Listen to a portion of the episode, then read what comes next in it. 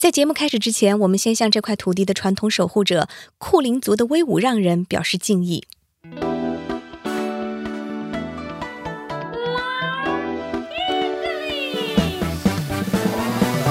听众朋友，大家好，您正在收听由 SBS 学英语为您倾情打造的真人秀双语英语学习类谈话节目《英文难不难》。我是你们的老朋友 Dory，也是 SBS Learn English 的内容制作人，同时也是《英文难不难》的节目主持人。当当当当！更重要的一点，我还是一名有着超过十年学龄的英语学习者。我认为啊，在英语学习的道路上，虽然每个人的遭遇都是 so different，但遇到的问题却是 same same。让我们隆重介绍我们的 Vanessa，一起来听听她的故事，看看跟你像不像。Hello，大家好，我是 Vanessa，我是和你共同进步的 Vanessa。我在国内呢是一名新闻主播，但是呢，就在一年前，我奋不顾身的拖家带口来到了澳大利亚，开始了我的新移民生活。那从此呢，我也开始了我的新媒体创业之路。更重要的一点，我还是一名既无奈又困惑的大龄英语学习者。听起来你的生活很精彩嘛？不要把自己说的那么惨。澳大利亚山美水美。奋斗的 Vanessa，你的未来会越来越美哦。话是说的没错啦，可是移民之路千难万难，学好英语可是难上加难。说英文有那么难？学英语是真的难。Hold on，Hold on，让我们拿出一点士气好吗？我们再来一次。英文难不难？好喜欢我们的开场哦，好欢乐，真的就是觉得每一次回到这个演播室，然后跟你一起聊聊学英语的趣事，都是一件很快乐的事情。每次我见到你都是非常的开心，但是我觉得你今天看起来好像有点心事重重的 啊！真的，我最近遇到了一个比较大的困难，又怎么了？就是你知道吗？就是孩子在学校，老师给我发邮件嘞。发邮件告诉我，跟我反映孩子的一点小问题，然后希望我回去之后跟孩子也进行一个沟通。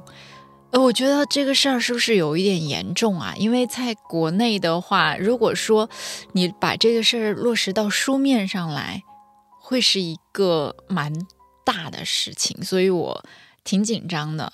然后我也不知道怎么回老师这个邮件。我已经是呃写了改，改了又写，然后那个发送键旁边绕了好几圈了，都没有按出去。哦，你你已经写好了，都写好了，我不敢发，可以念给我们听一听吗？哦，可以啊，丢脸就丢脸吧，没事儿没事儿，好，我们不会榨取你的，放心读。Dear，嗯，那个老师。就 Dear Dory 吧，啊好，保护一下老师的隐私。嗯，Dear Dory, thank you for your email. I'm very shocked by what he did in school. I'll talk to him very seriously. If I can do something, please let me know. I will write to you next week to know what the things going on and uh, is it work with my talk. Thank you. Let me know. Hope you have a good weekend, Vanessa。嗯，乍一听不错哎。你这话我已经听出来了，叫乍一听不错，实际上是不是问题重重啊？我觉得应该不能说是问题重重，但是我是觉得就是。你要我说真话还是说假话？真话，真话，真话就是我觉得你很勇敢，然后你有试过写这么一封邮件，而且我觉得就是这个邮件其实还是有头有尾的。我们先说好的啊，而且我能够 catch 到，catch 就是捕捉到你想要表达的信息，就是你收到了老师这个邮件，这件事情你已经表达清楚了，然后同时你你也非常的震惊，shocked，你非常 shocked 的这件事情，然后你会。给你的儿子就是 talk seriously，严重的说一说，我为什么在跟你聊的这个过程当中会英文中文穿插着说？因为我会带着普通话母语的说话习惯，我能够了解你想要表达的意思，但是可能有一些表达放在英文的语境中，可能有时候会给英文母语者造成一些误会。因为在我的理解里面，老师已经给我写邮件了，就证明这个事情很严重啊，所以我我得去表达我对这件事情的重视，所以我会用到 shocked。Seriously，这样的词，嗯，其实我觉得这是我们很多就是普通话母语者在写邮件，尤其是书写的过程当中都会遇到的一个问题，就是我们的第一步一定是从翻译开始的，嗯，因为我们还不能够做到像英文母语者那样流畅的用英文思维去表达一件事情，所以我们在英文学习的过程当中，第一步一定是。Direct translation，对，直接翻译。那其实可能我也我在写这篇邮件的时候，为什么我会写了又改，改了又写？我也是因为我知道我这个表达方式可能是不符合当地人的。语言方式、理解思维，对，但是我又没有办法知道当地人到底是怎么说的。我觉得今天我们就来好好的聊一聊这个话题。我们稍后再回到就是怎么写邮件这个问题。我觉得首先我们可以先了解一下，在澳洲就是家长和老师之间的交流方式，写邮件到底代表什么？嗯，让我们一起来听一下。好。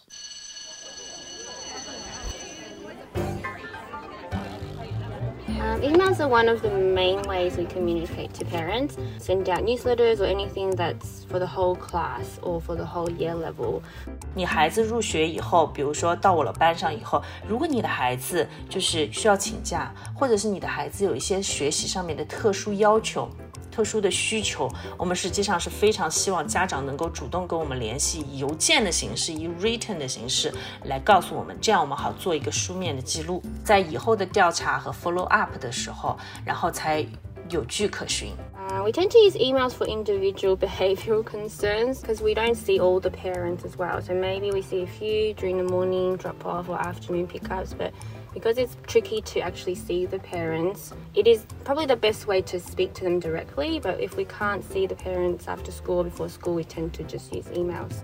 老师像我们平时的话，实际上是上课的时候是不能接手机的，也不能查短信的。我们是没有一个即时通讯，让家长可以联系到我们的。所以家长在联系我们的时候，只要不是紧急的事情。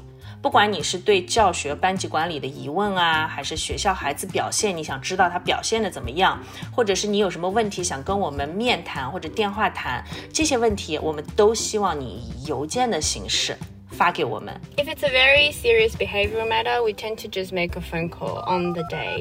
Yeah, so it's probably not a good sign if you receive a phone call from the teacher about behavior because it's usually more serious. If it's less serious, we'll probably just write an email. 但如果是一些比较紧急的事情，比如说你说哦，你能不能告诉我的孩子，就是放学以后在哪里等我，或者是妈妈会来晚，像这些比较紧急的事情，我们是希望你不要依赖于老师，因为老师有的时候上课的时候没有办法查到邮件，也没有办法直接联系到，我们是需要你去打电话给学校的。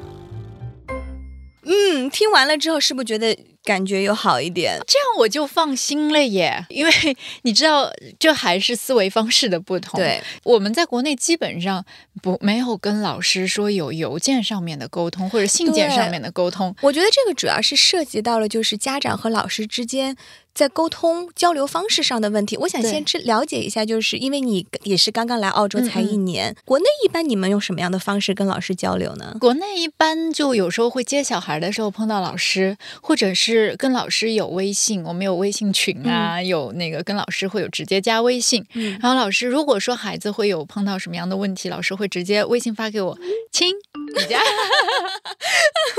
亲亲，你家儿子今天怎么怎么怎么样？你回。回去需要注意的是什么什么什么，然后我再跟老师再进行一个直接的交流就可以了。国内会用邮件交流吗？不会，完全不会，没有没有没有邮件交流这个事情。从你刚刚就是这一番谈话，我也看得出来，就是其实我们中国传统的家长对于老师的态度还是非常的尊敬的啊。对，这也是我们就是我来了之后我的感觉，嗯，就是我看到老师，我也不知道跟他。去怎么聊？因为我们对老师是有一种啊仰视的感觉，仰视的对，就觉得老师说什么都是对的。所以每当老师跟我说什么的时候，我都总是会就是去接受。因为我们其实在国内的时候就是这个样子，就是老师给给你们布置任务或者是发出指令啊，我们来听就好了。哎，但是我后来发现这儿不是哦。来，我们一起来听一下。嗯。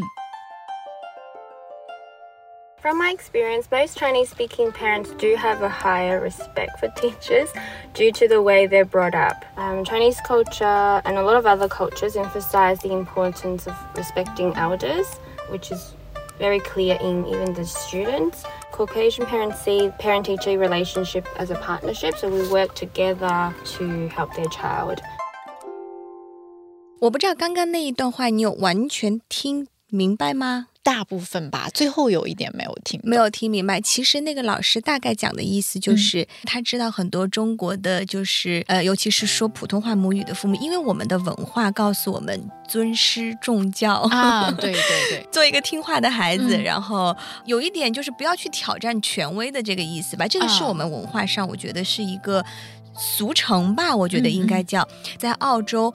家长和老师之间，他们把这种关系定义为是一种 partnership，嗯，你们是合作关系，嗯，共同一起来给你孩子更好的教育。对，就是我去开家长会的时候，嗯，我们老师跟我说是很高兴与你一起合作。然后我当时他说完这句话的时候，如果能画一个图的话，就是那种震惊的表情，对，有点感觉颠覆了你传统思维中老师家长这种关系。对，是的，虽然说我很震惊。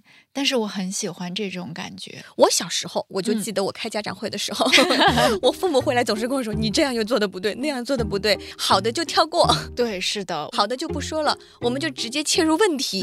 但是好像这边他不是这样的，好像很难就是听到老师。我觉得除开老师这个关系，就是你在任何的这个社交关系中都很难听到别人非常直接对你给出一种比较 negative，就是负面的评价。我就是来澳洲以后，我一段时。时间嘛，一开始我还很开心啊，我的孩子真好，老师总是夸他。后来来一段时间以后，我就 不爱听了，我就不想 去相信老师，哪有孩子哪儿哪儿都好的？哦，这个可能是一个中国特色哈。他们除了问学习方面啊、生活发展方面啊这些方面的问题以外，他们还会问一个很经典的问题，就是。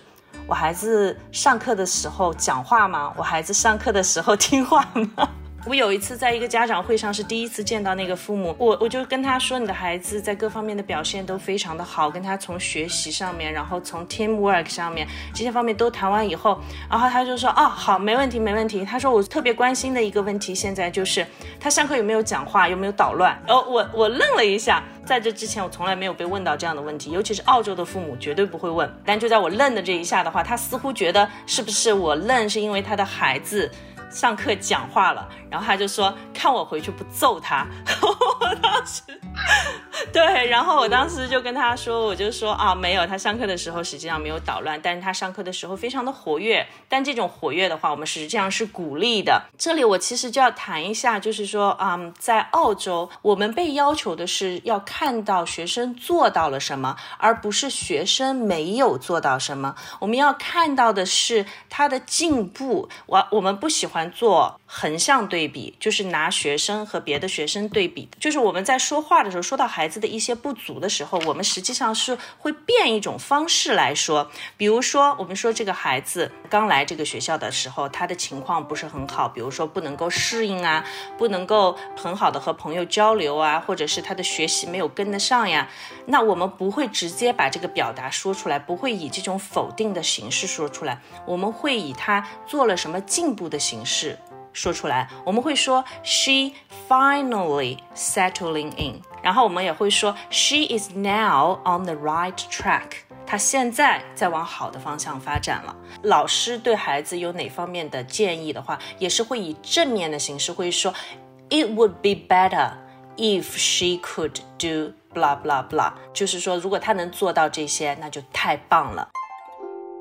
我已经在拿小本本记起来了，学到了几种表达方法。对，如果老师是在鼓励他，就说他其实哪些地方还不够好的时候，他会说：“It would be better if he。” What what what？对，其实我听过这段对话之后，我就发现语言真的是个很神奇的东西，而且我们往往会觉得英文是一个很直白的语言。我听过了。老师这么说，我发现其实英文也有它的微妙委婉之处，而且直接翻译确实有时候很容易造成误会。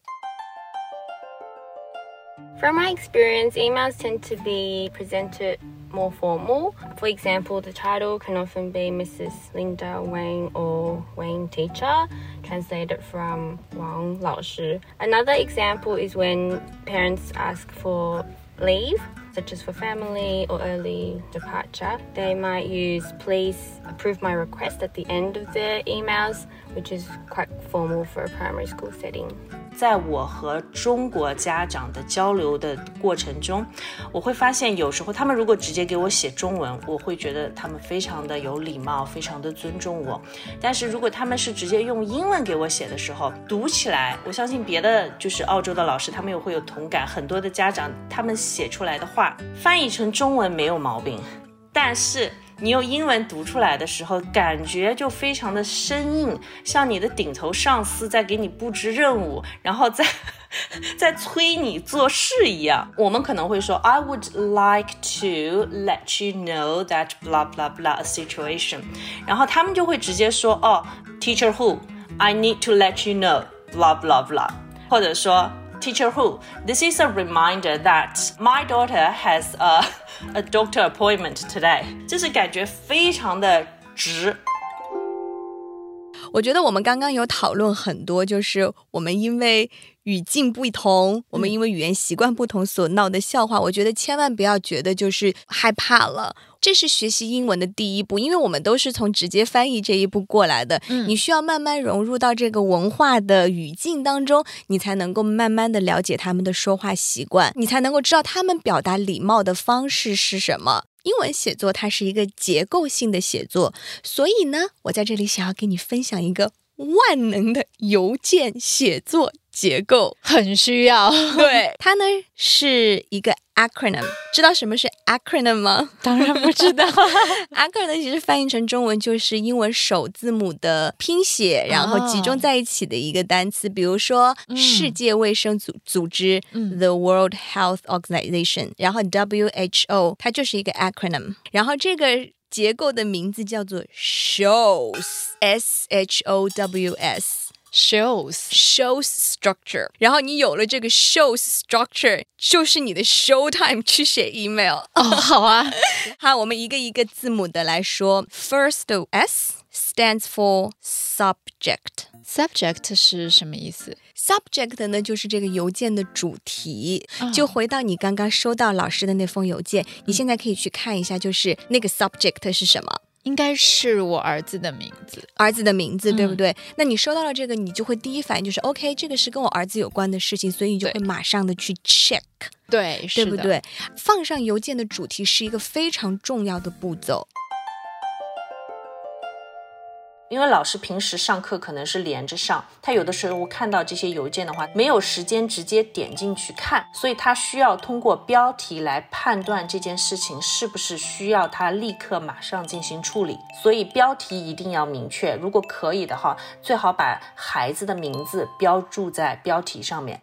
第二个 H。H stands for hello，就是问好哦。那就是说，先是什么 Dear Dear Dory 啊，打一个逗号就可以了。还有一个事情我比较搞不清楚，就是什么样的人可以用 Dear，什么样的人应该用呃 Hi。对，就是打招呼的这个称谓上面，它的亲疏关系是怎么样去辨别的？这个问题问的非常好。Dear 呢是一个比较万能的用法，翻译成中文“亲爱的”啊，感觉一定是非常亲近的人，我才用 Dear 这个称谓。其实 Dear 是相反来说，是你比较不太熟悉的人哦，你会用到 Dear Mister 什么什么什么。比如说像我之前有看医生，嗯，我没有见过这个医生，所以我第一次给他写邮件，我就会写 Dear Doctor。巴拉巴拉巴拉哦，Dear 是一个比较正式的打招呼的方式，但你像说我平时工作当中跟同事写邮件，我就会直接说 Hi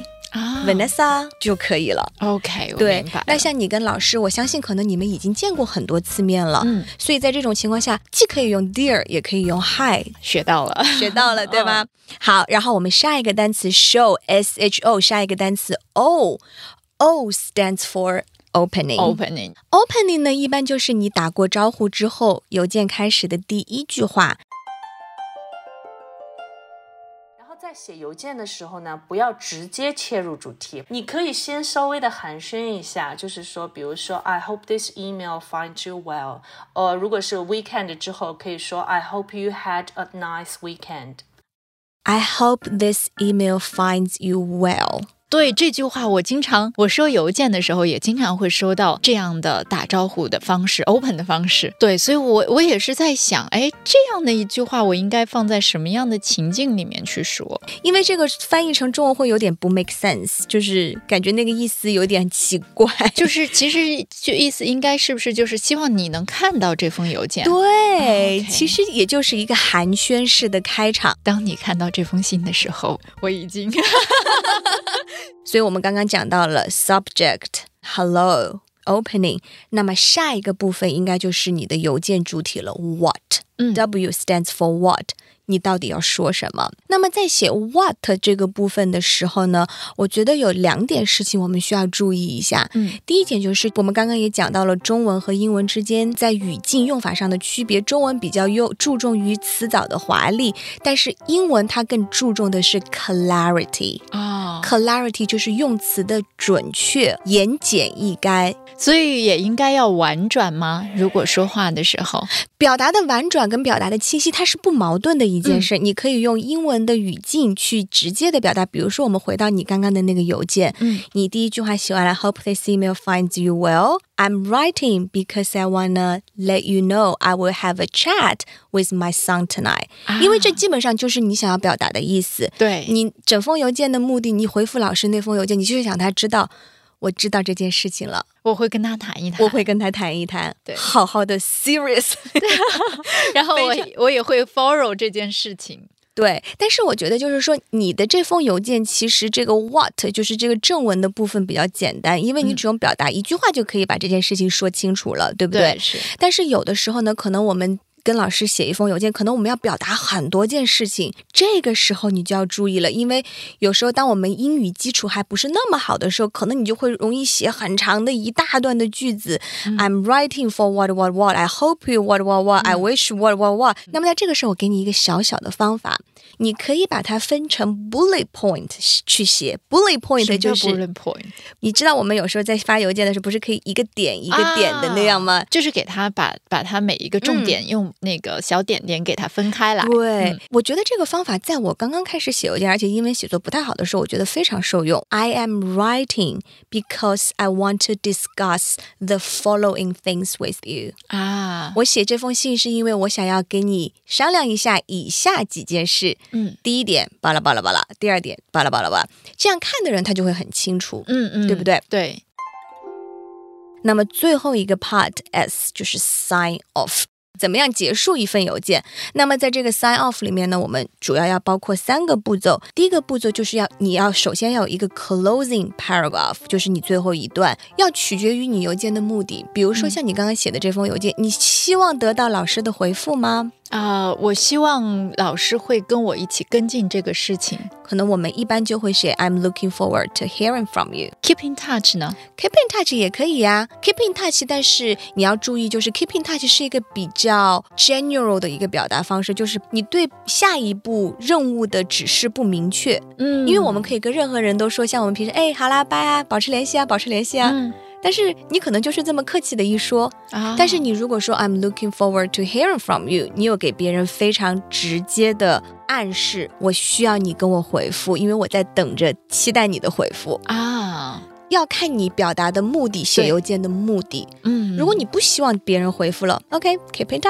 touch，no problem。表达的那个意愿强烈程度不一样。如果你想要再强烈一点，I hope to hear from you as soon as possible，这也是个 ASAP。你有时候会看到邮件里会写、对但是我相信在老师和这个交流当中，一般可能 ASAP 就显得比较直了。嗯，对，比较有点命令的指令了，因为你跟老师可能也不是那么熟，那你就可以说 I'm looking forward to hearing from you soon。啊，你加上一个 soon，你就表达了我希望你尽快快回复哦。写完了之后，那你就基本上可以结束这封邮件了。一般我们在写完一封邮件之后，我们会加上一个就是表示礼貌的词语。你通常会见到的可能就是 best regards，嗯，然后像我们平时比较 casual 的用法，我会写，我个人比较喜欢用 cheers，干杯。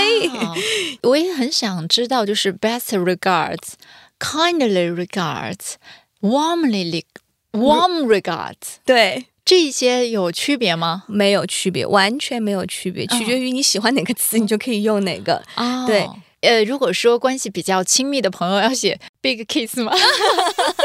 也可以啊，也可能会成为你 Vanessa 的一个标志性的 closing style。太热情了，太热情！我相信你要是跟老师写邮件，你写一个 big kiss，老师会又 shock 一下。好了，那基本上就结束了。最后一个就是 signature，你要 put 你的名字。有没有觉得这个 structure 还是非常好用？有没有有有帮到你吗？我我觉得我可以写嘞，可以写这封。那我给你留一个小小的作业，好不好？结束了我们今天的聊天之后，回去好好把你的 email 整理一下，写一封新的，然后分享给大家听。好。终于把我的邮件写完了，读给你们听听吧，希望是有进步的。Dear Miss XX, thank you for letting me know. I would love to work with you and talk to Jerry as soon as possible. I hope he can learn and grow from this experience. Let's keep in touch. Best regards, Vanessa. 怎么样？好像听起来还不错哦。其实英语也没那么难嘛。